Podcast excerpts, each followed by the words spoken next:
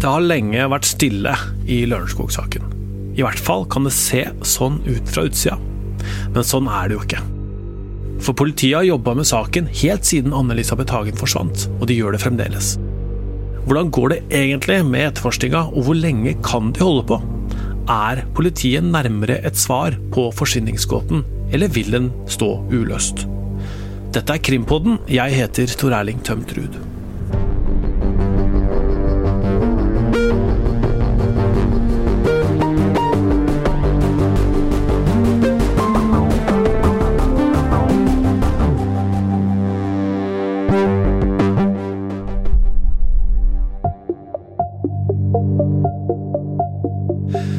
Hei, Øystein.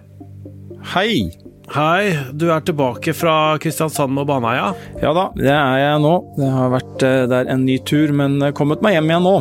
Vi skal eh, denne uka snakke, snakke mer om Lørenskog-saken. For nå er det over to år siden Anne-Elisabeth forsvant. Og det er snart ett år siden eh, Tom Hagen ble arrestert. Og han er sikta for drapet eller medvirkning til det, men nekter fortsatt å ha noe med det å, å gjøre.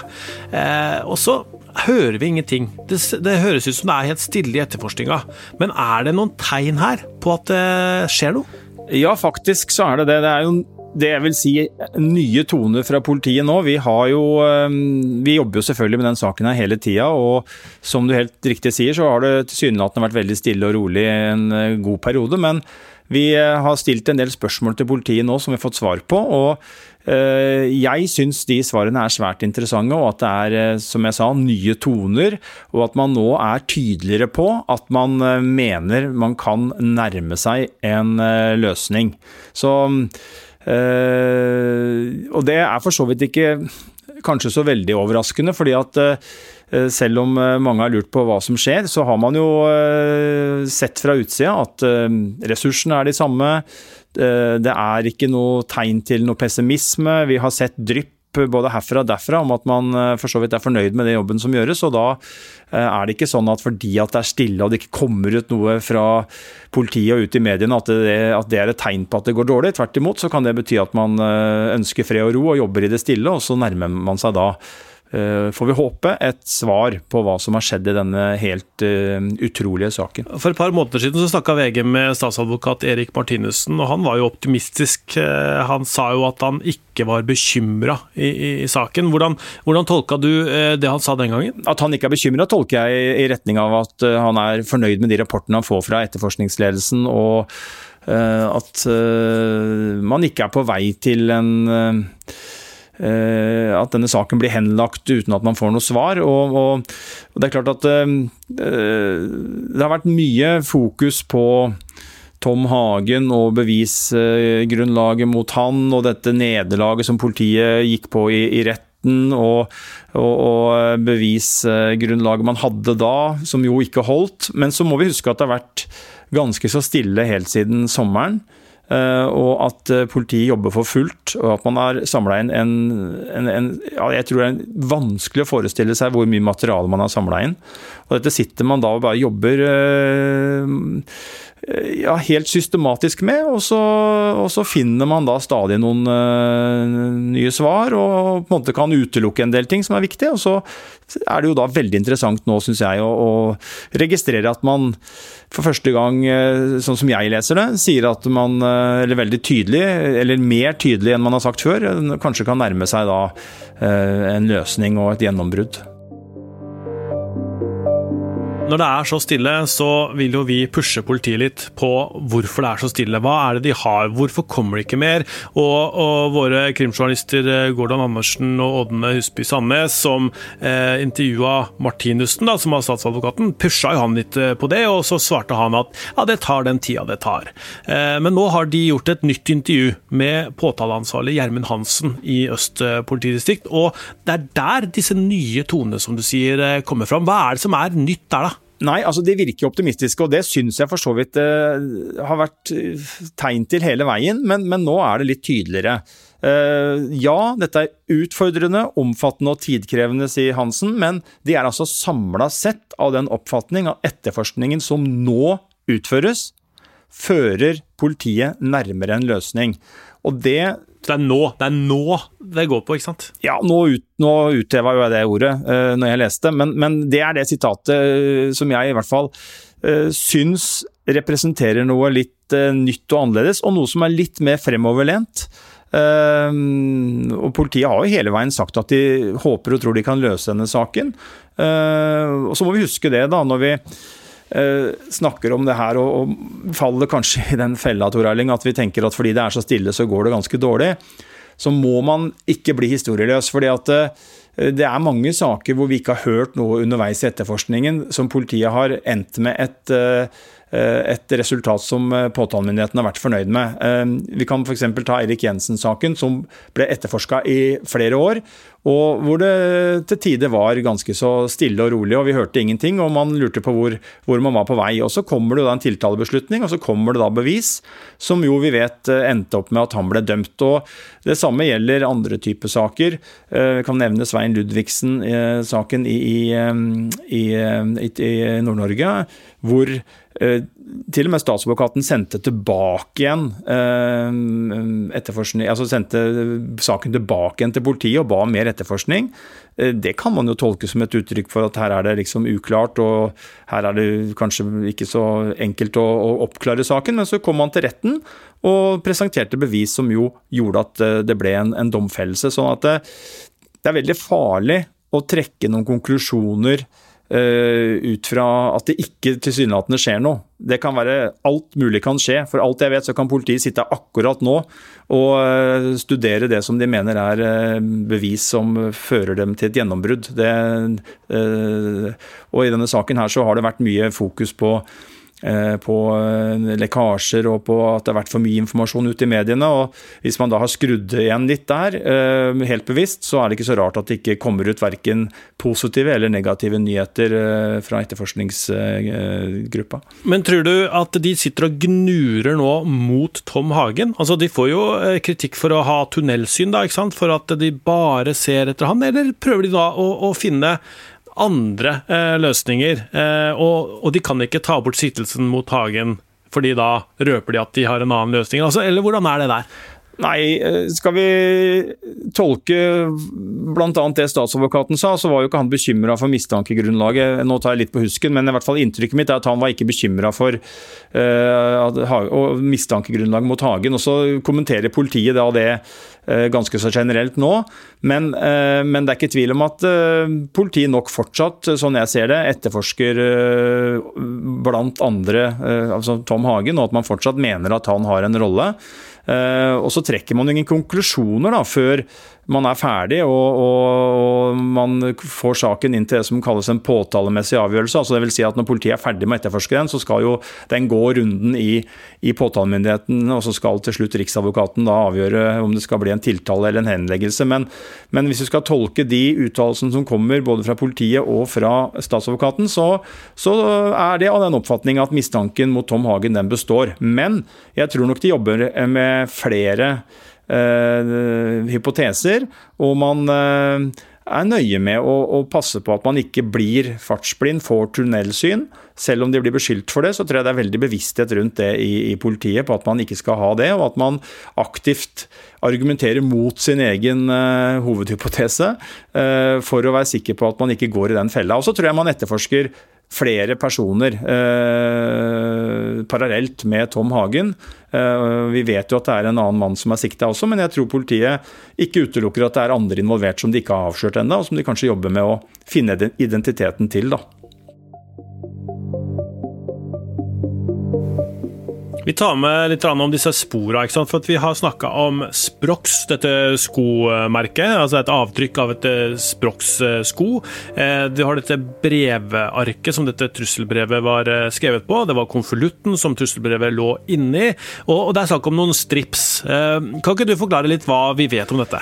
Jo, dette Sprox-avtrykket er jo avsatt i huset og på en sånn måte at man vet at den som har hatt de skoene på beina, har vært der etter at Anne-Elisabeth Hagen er utsatt for en alvorlig kriminell handling. Derfor er de språkskoene og de språksavtrykkene eh, Eller språkskoene har man jo ikke, men de avtrykkene er da veldig viktige. Og man forsøker da å finne ut av eh, om det er noen Om Man kan finne en person som har kjøpt eller disponert et par språksko som kan være disse skoene som har vært i huset. Og det gjør man jo på veldig mange måter. Man undersøker kjøp over, med kredittkort, man undersøker kontantkjøp, og man forsøker da å finne ut av om det er en aktuell person som har hatt et par språksko. Og så har vi denne konvolutten og selve trusselbrevet. Og Det er klart det er også fysiske bevis som man da forsøker å knytte til noen personer. Konvolutten er, øh, er, jo kjøpt et sted, altså hos Claes Olsson, øh, og det samme er brevarkene. og Da forsøker man jo da å, å, se om man kan finne noen interessante personer som har kjøpt det. Og så høres det litt sånn vanskelig ut, men det vi må tenke da, at politiet ser jo alle disse Eh, vi kan ta og snakke litt om stripsen først, før jeg sier det jeg skal si, Tor Erling. og det er jo at Den er i det samme kategorien. Den er kjøpt på Biltema, og man forsøker da å, å finne ut om, er, eh, om, det er mulig å knytte noen personer til det. Og så kan det høres ganske vanskelig ut. men det vi nok skal ta inn over oss, er at politiet går ekstremt eh, bredt Eh, ut her. Og Det kommer jo litt til uttrykk for den som husker tilbake igjen på Bertheussen-saken, og hvordan man hadde undersøkt da, dette med rødspritsalg og eh, den type ting. Så, så, er jo sånn at politiet forsøker da å, å finne et mønster. Eh, og, og, og, se om det er en sammenheng. Og Kan det finnes noen likhetstrekk mellom uh, når man vet at det har vært et språksalg, da, kontant kanskje, i en butikk et eller annet sted, Eh, Så undersøker man da om det har vært noen personer eller noen andre hendelser som kan ses i sammenheng, og som kan lede i retning av eh, eh, noe som kan være et spor i Lørenskog-saken. Har det vært en Ser man at en interessant person har kjørt inn i det området med bil? Hvis det finnes noen overvåkingsbilder, har noen brukt et kort et annet sted? eh, omtrent samtidig som dette kontantkjøpet skjedde. Sånn jobber man. Og så ser man om man finner et mønster mellom dette med språkskjøp. Kan det være et mønster mellom språkkjøp, konvoluttkjøp, stripskjøp? Eh, en hypotese kan jo være at en gjerningsperson har reist på en handletur og kjøpt alle disse tre tinga samme dag. Det vet man jo ikke. Og da forsøker man jo på en måte å Det er jo som et gedigent puslespill, da, hvor man forsøker å finne Og der sitter man med brikker som passer, og brikker som ikke passer. Og så må man jo da prøve å sortere ut vekk de brikkene som er støy, og som på en måte ikke kan passe i det bildet man forsøker å uh, få til å gå opp, men, men da identifisere de brikkene som kan passe i et uh, til slutt da bildet som gjør at man kan løse denne saken. her. Så Det er uhyre komplisert, og det er mange mange spor hvor man jobber så bredt og så grundig Eh, at jeg nok tror, hvis vi en dag får høre hvordan dette har foregått eh, i en rettssak f.eks., så tror jeg kanskje vi kan bli ganske overraska og kanskje til og med imponert. Men uh, disse stripsene, uh, det er sånn typisk at man uh, binder noen bak ryggen eller sånne ting. Vet vi noe om hva, hva, de har blitt brukt til, eller? Nei, det vet vi ikke. Og vi vet jo ikke da om disse stripsene er en del av det politiet mener er et, et rigg, altså en iscenesettelse. At man har tenkt at fordi at dette skal være en kidnapping, Eh, som jo politiet mener det ikke er, så er det viktig at det ligger en strips der for å underbygge det. Eh, sammen med dette brevet, som jo også skal underbygge det samme. Eller om det faktisk er sånn at denne stripsen er blitt brukt fordi at dette er en bortføring. Eh, det er jo ikke sånn at politiet har konkludert 100% på det. De har forskjellige hypoteser. Hovedhypotesen er drap, men det betyr jo ikke at man har lagt bort andre hypoteser, som f.eks. da bortføring. Hva sier politiet om eh, disse sporene nå? Eh, nei, det er jo sentrale spor som man jo da må øh, forsøke å finne ut av om er såkalt handlingsrelaterte. Da.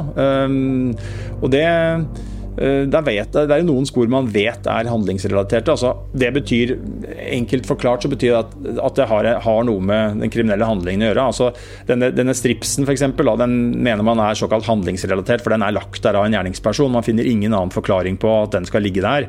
Eh, så kan det være andre spor i huset som uh, man er mer usikker på. Denne, Det har vært snakk om bakgående som lå på trappa. Det er sannsynligvis handlingsrelatert, vil jeg tro, men det kan det kanskje være litt mer tvil om. Og så har man denne bilen da, som er fanga på gangveien. ikke sant? Er det, handlings, er det, et handlingsrelatert spor, eller er det ikke det? Det er jo ting man jobber med å avdekke, og der er det kanskje mer usikkert, da, i og med at man ikke kan se hva slags type bil det er, og ikke vet om den bilen, eller de som satt i den bilen gikk inn i huset, eller om det er en tilfeldighet. Så Det er jo, det er jo sånn man da jobber med disse sporene, og forsøker å finne ut av i hvilken grad de er relevante for det som har skjedd. Noen spor er det helt åpenbart at er veldig relevante. Brevet f.eks er lagt av en gjerningsperson. Det er man eh, ganske sikker på. Eller ikke bare ganske, det er man sikker på, mens andre ting kan være litt vanskeligere å finne ut av. Og så er det en del sånne hypoteseuavhengige spor. Hva er det for noe? Nei, Når man har drap som Eller Tom Hagen som en hovedhypotese, at han har en eh, Når man jobber med den hypotesen, at han har en rolle, så vil jo på en måte hans Og det kjenner vi fra mistankegrunnlaget. Da vil man jo f.eks. kunne vurdere det at han kommer seint på, på jobb, da. Hvis man tenker at det handler om at han har eh, en rolle i forsvinningen, så vil jo det være et spor som man da forfølger i den sammenheng som en del av drapshypotesen. Mens språksavtrykket, eh, det vil jo være hypoteseuavhengig. Altså det vil ikke, sånn som det ser ut nå, så vil ikke det ha noen betydning om det er en bortføring eller et drap. Altså Det er en gjerningsperson. Og så vet vi ikke hvilken hypotese som passer til disse avtrykkene. ikke sant? Om det er fordi at det har vært en, en, enten en drapsmann eller en som har henta ut en, et, et, en, død kropp, eller om det er en kidnapper som har vært inne og henta ut et levende menneske. Så Det er på en måte en forsøk på å forklare litt sånn kompliserte uttrykk på en enkel måte. Men eh, det vil jo egentlig si at eh, jo flere gode gode hypoteseuavhengige spor som finnes, jo bedre er det jo. Ja, og så ser man jo alt dette i sammenheng, og forsøker da å på en måte øh, finne øh, så mange svar som mulig. Og så er det jo fortsatt sånn at politiet øh, sier jo at dette er svært krevende. Det er sammensatt. Det er ikke tvil om at det er sikkert flere personer her som har jobba hardt for å forsøke å skjule sine spor. Når man sitter to og et halvt år etterpå og fortsatt ikke har noe som eh, er fellende bevis mot noen, eh, så sier jo det ganske mye om at dette er en helt eh, spesielt godt planlagt sak, uavhengig om det er kidnapping eller om det er, om det er drap. Så det er klart at men samtidig så sier politiet at, man, at, det går fremover, og at, man, og at, man, har tro på løsning. Og så er det viktig å si at uh, politiet understreker at det kommer ingen innstilling før sommeren. Dvs. Si at etterforskningen vil ikke være ferdigstilt før sommeren. og man har ikke noe jeg tror ikke man har noe tidsestimat på det. Det tar den tida det tar. Om man må bruke hele 2021 og for den saks skyld 2022, så tror jeg ikke det påvirke politiet noe. Det er selvfølgelig en ressursdiskusjon som kommer til å komme opp, men hvis det er sånn, og det kan jo tyde på, at eh, etterforskerne har så gode spor og så godt materiale å jobbe med at man tror at man kan komme frem til en løsning, så er tida ganske underordna. Da jobber man til man har en eh, eh, sak som man mener er så godt etterforska at man kan gå i retten eventuelt og, og, stille en eller flere personer til ansvar for det som har skjedd med Anne-Elisabeth Hagen.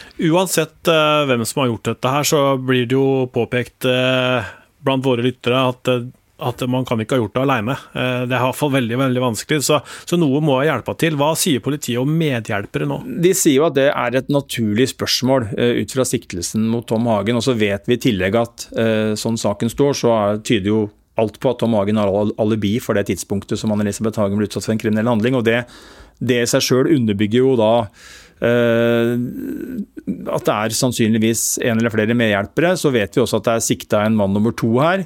Eh, det underbygger jo for så vidt at politiet mener at, eh, at det er flere. Så, så, så, De vil ikke si så veldig mye om det. Det eneste som vi må understreke, er at Tom Hagen han nekter fortsatt for å ha noe som helst med forsvinningen å gjøre. Og at saken, saken står der på, på akkurat det punktet. Altså, hva gjøres egentlig for å finne Anne-Elisabeth? Er det mulig å, å, finne henne på noen aktuelle steder? Ja, altså det er mulig. Eh, samtidig så er jo historien også eh, Det finnes jo saker fra historisk sett som man ikke finner et lik, selv om man ganske sikkert vet at vedkommende til og med er drept. Men eh, men det er klart at man må ha et sted å lete. Eh, enten er man avhengig av at noen tilfeldigvis finner eh, henne, eller finner levningene. Eh, eller så er man avhengig av at man får opplysninger om hvor det kan være skjult. Og det har man jo foreløpig ikke fått. Politiet har jo passert 100 steder som er kartlagt eller undersøkt på ulike måter. Men det har ikke vært noe funn, men det er klart etterforskningsmessig så er det jo viktig å avklare det. For det første så vil man, selv om det har gått lang tid nå, så vil man kunne gi, få noen svar ved en, ved en kriminalteknisk undersøkelse. Og så er det jo selvfølgelig sånn at hvis man finner et sted hvor, hvor hun er er eh, dumpa da, og skjult, så vil man jo også kunne, kanskje kunne knytte noen personer, biler, eh, til det stedet, som gjør at man kan komme videre i jakten på hvem som har, øh, har dumpa henne. Ja, altså de har over 100 steder de kan leite. Det er veldig mye, da. Hvordan skal de velge ut hvor de skal sette inn trøkket der? Jeg tror det er litt sånn uh, variert. Uh, begrunnelse for hvorfor man leter og har søkt på eller undersøkt forskjellige stedene. Noe av det handler vel kanskje om nærhet til Sloraveien. Vi vet at de har undersøkt Langvannet, vi vet at de har undersøkt noen andre vann. Um, Uh, og Det vil vel være naturlig at man, uh, ut fra erfaring i andre saker, da, uh, så vet man at lik kan være dumpa på en avfallsplass f.eks. Nå vet ikke jeg om man har vært på et sånt sted, men jeg vil tro at det er sånne ting som man kanskje vurderer. Og så er det hvis man hvis man har noen steder som man tenker at eh, Ja, nå har man jo to sikta i denne saken. Da. Hvis man tenker at eh, Hvis man jobber en hypotese at en av de to har, eh, har kan ha bidratt til å dumpe, så, så, vil man jo kanskje undersøke det, ikke sant. Men, men det er jo mer sånn det er jo, man, det er jo sånn, mer sånn rutinemessig at man må bare sjekke ting ut. Det er ikke sånn at fordi at man reiser og undersøker rundt hytta til Tom Hagen og Elisabeth Hagen, så tror man at hun er der, men man er nødt til å bare sjekke det ut. fordi det ville jo vært en eh, fryktelig tabbe hvis, eh, hvis, det skulle være sånn. Og Da må man ta utgangspunkt i det man har, og det er jo da steder som hun har tilknytning til, og som han har tilknytning til, og som eventuelt da denne Eh, mannen i 30-åra som de har sikta også, hvis, hvis, det vurderes sånn. Men det blir jo veldig å famle i blinde frem til du har noe konkret, og det har man ikke hatt til nå. Det som er konkret, da, og som jeg tenker kan løse saken, hvis de finner ut av det, er jo hvem var det som fikk eh, kryptovaluta i andre enden. Finner man den personen, så, så, har man kommet langt på vei på en løsning her. Eh, hvordan, hva veit vi, vi, om hvordan de jobber med det sporet? Ja, det vi vet er at det jobber et titalls etterforskere videre med uh, dette kryptosporet, og at det selvfølgelig er veldig sentralt. Uh, det er noen få ting i denne saken som man vet at en gjerningsperson eller flere gjerningspersoner har vært involvert i. Uh, og, det er klart at Eh, da handler det om, stort sett om to ting. og Det handler om å prøve å finne noen spor på hvem som kan ha vært inne i Sloraveien. Det er det ene på en måte hovedsporet. Altså Da snakker vi om hvem som har vært i Sloraveien. Eh, kan man knytte en bil dit? Hvem har eh, kunne hatt disse stripsen, sproksen, brevet som vi snakka om? Og så er det det andre sporet er jo den dialogen eller den kontakten som har vært mellom Tom Hagen og det som man kaller en påstått eller antatt motpart. Uh, om det er noe der som gjør at man kan identifisere en eller flere personer, eh, steder, eller måtte finne noe hvem som er i andre enden. Da. Og da handler det både om disse transaksjonene av eh, Det har vært en viss kommunikasjon på bitcoin, ikke sant. Det har vært, um, det har vært Tor-mailer som, som, skal være krypterte, da. Og det har vært Monero-overførsel på over 10 millioner kroner. Uh, Eh, så, så, det er jo det man da forsøker å se om det går an å uh, komme gjennom den muren der. Uh, og det tror jeg man angriper fra mange forskjellige vinkler, da, akkurat som man gjør med de andre sporene.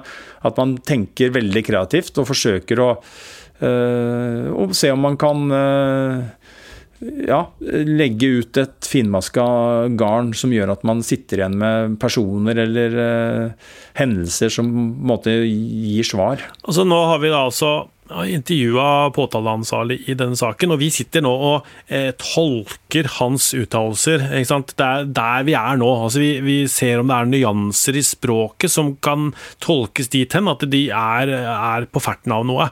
Eh, hva tenker du er det mest sentrale vi kan se ut ifra det politiet sier nå? Jeg leser det som om det er et tydelig taktskifte og en mer framoverlent holdning når politiet sier at etterforskningsskritt vi nå utfører, Altså De sier ja, det er, det, er, det er, omfattende, det er utfordrende, det er en vanskelig sak. Eh, men etterforskningsskritt som vi nå utfører, håper vi kan, tror vi, eller håper vi kan bringe oss nærmere målet, nemlig å stille noen til ansvar for hva som har skjedd med Anne-Elisabeth Hagen, og avdekke hva som har skjedd med henne kan jo Jeg, jeg syns helt tydelig at det er en uttalelse som er mer eh, framoverlent, eh, mer offensiv, og som i hvert fall gir meg en eh, tro på at her er det framdrift eh, nå, og at det er noe politiet i tydeligere grad kommuniserer enn det er gjort før. Er tida i ferd med å renne ut for politiet? Det tror jeg ikke. Jeg har sagt det før, og jeg gjentar det nå gjerne, at jeg tror jo at denne saken vil få en løsning på et tidspunkt. Ehm, og det bygger jeg på at hele veien har Til tross for at det har vært eh, mange skjær i sjøen, så har det vært en sånn Eh, underliggende optimisme. Eh, og den eh, vedlikeholdes jo da av ting som vi har snakka om nå. Både at statsadvokaten kom med de uttalelsene om at han ikke var bekymra, og at man ikke ser noen ressurs Man fortsetter med samme ressursene. Altså Hvis man nå så at vi kommer ingen vei, vi har holdt på i to og et halvt år, dette kommer ikke til å gå, så tviler jeg på at man hadde holdt det trøkket oppe med så mye ressurser. Og jeg tror også vi kanskje hadde i større grad sett at det var At det hadde sivet ut misnøye og uh, dårlig stemning. For det vet man jo at når ting går dårlig, så er det alltids noen som, uh, som uh, kanskje kommuniserer det på en eller annen måte. Her har vi ikke fått noen sånne drypp. tvert om så virker det som det er fokus, og at det er motivasjon.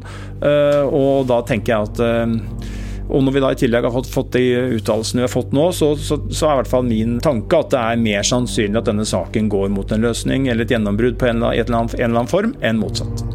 Vi skal følge dette videre. Dette er veldig spennende. Eh, produsent for Krimpodden er Vilde Våren. Krimkommentator Øystein Milli var med som vanlig. Jeg heter Tor Erling Tømt Ruud. Gordon Andersen og Ådne Husby Sandnes har bidratt til journalistikken i denne episoden. Ronny Furuvik eh, lager musikken, og Magne Antonsen har det tekniske ansvaret.